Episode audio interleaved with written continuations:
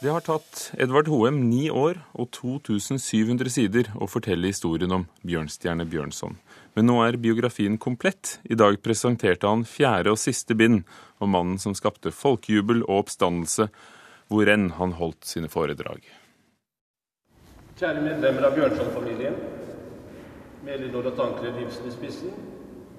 Kjære venner, kjære forlagsmedarbeidere som da har Edvard Hoem fylte Trefoldighetskirken i Oslo med etterkommere og kolleger i dag for å presentere fullbyrdelsen av verket om Bjørnstjerne Bjørnson. Stedet var ikke tilfeldig. Det var fra Trefoldighetskirken Bjørnson ble gravlagt i 1910. Og Bjørnson-familien satt på samme side i kirken da som nå. Hoem innrømmer at det har kostet å gjennomføre prosjektet. Han er glad for å være ferdig, men sier det var nødvendig at det ble så omfattende. Nei, Det er jo veldig fint å ha kommet gjennom det til slutt.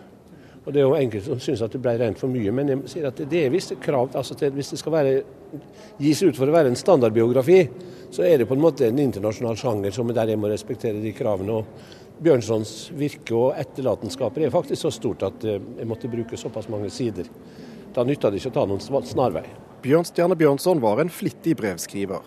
Edvard Hoem har samlet og lest 20 000 brev fra mottakere og avsendere i Norge og utlandet. Familien har også bidratt. Oldebarn Marit Bjørnson Barkbu ble raskt overbevist om at Hoem ville behandle Bjørnsons både gode og mindre gunstige sider på en respektfull måte. Jeg startet nok med litt engstelse, tenker jeg. Men så fikk jeg hørt uh, hans første foredrag om uh, den første boken.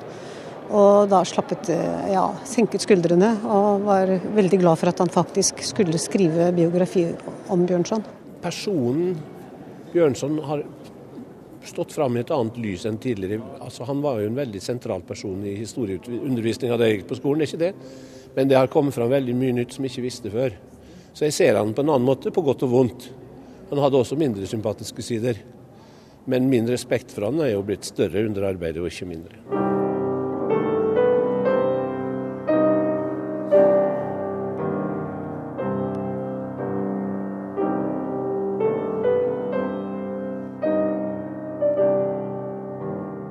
Pianist Vebjørn Anvik fremførte under presentasjonen Edvard Griegs sørgemarsj, det eneste musikkstykket som ble spilt i Bjørnsons begravelse. Da gravfølget gikk ut kirkedøren i 1910, ventet mellom 50 og 75 000 mennesker på å følge kisten opp bakken til vår frelsers gravlund. Interessen og oppmerksomheten Bjørnson skapte, setter nærmest dagens superkjendiser i skyggen. Bjørnstjerne Bjørnson har jeg jo i grunnen levd med hele mitt liv sammen med min andre oldefar. Og det har ikke vært noen handikap. Tankred Ibsen er oldebarn av både Bjørnstjerne Bjørnson og Henrik Ibsen. Jeg hørte jo stadig vekk som barn at uh, du må da bli noe stort med sånne forfedre. Nå vil jeg bli noe verken fysisk eller på annen måte noe opp mot det, men jeg har profetert på det fordi folk, særlig i mitt yrke som diplomat, har visst om min bakgrunn, navn, husket meg og tatt imot meg med vennlighet. Før han ble diplomat, gjorde Tankred riktignok et lite forsøk på poesi som ung. I anledning Bjørnstjernes kone Karolines 90-årsdag hadde han et lite dikt på trykk i avisen så tjente jeg mine første penger. For et aldeles grufullt dikt som jeg hadde skrevet til henne. Som jeg da jeg så det igjen ikke skammet meg over. Det, det, det ble trykt i Verdens Gang, og fem kroner ble sendt til meg. Og det var mange penger den gangen. Det var veldig bra honorar, vil jeg si, den gangen. Ja. Men du har ikke fortsatt å sende dikt til VG, da, som ofte? Nei da. Yes. Ja, ja, det lille jeg har skrevet, er egentlig kjærlighetsdikt til min kone.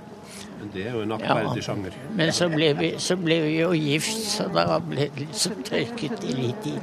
Nei, da ble det mer praksis, da. ja. Ni år, 2700 sider, enorme mengder dokumentasjon og foredrag en masse. Nå er siste bok ute og punktum satt.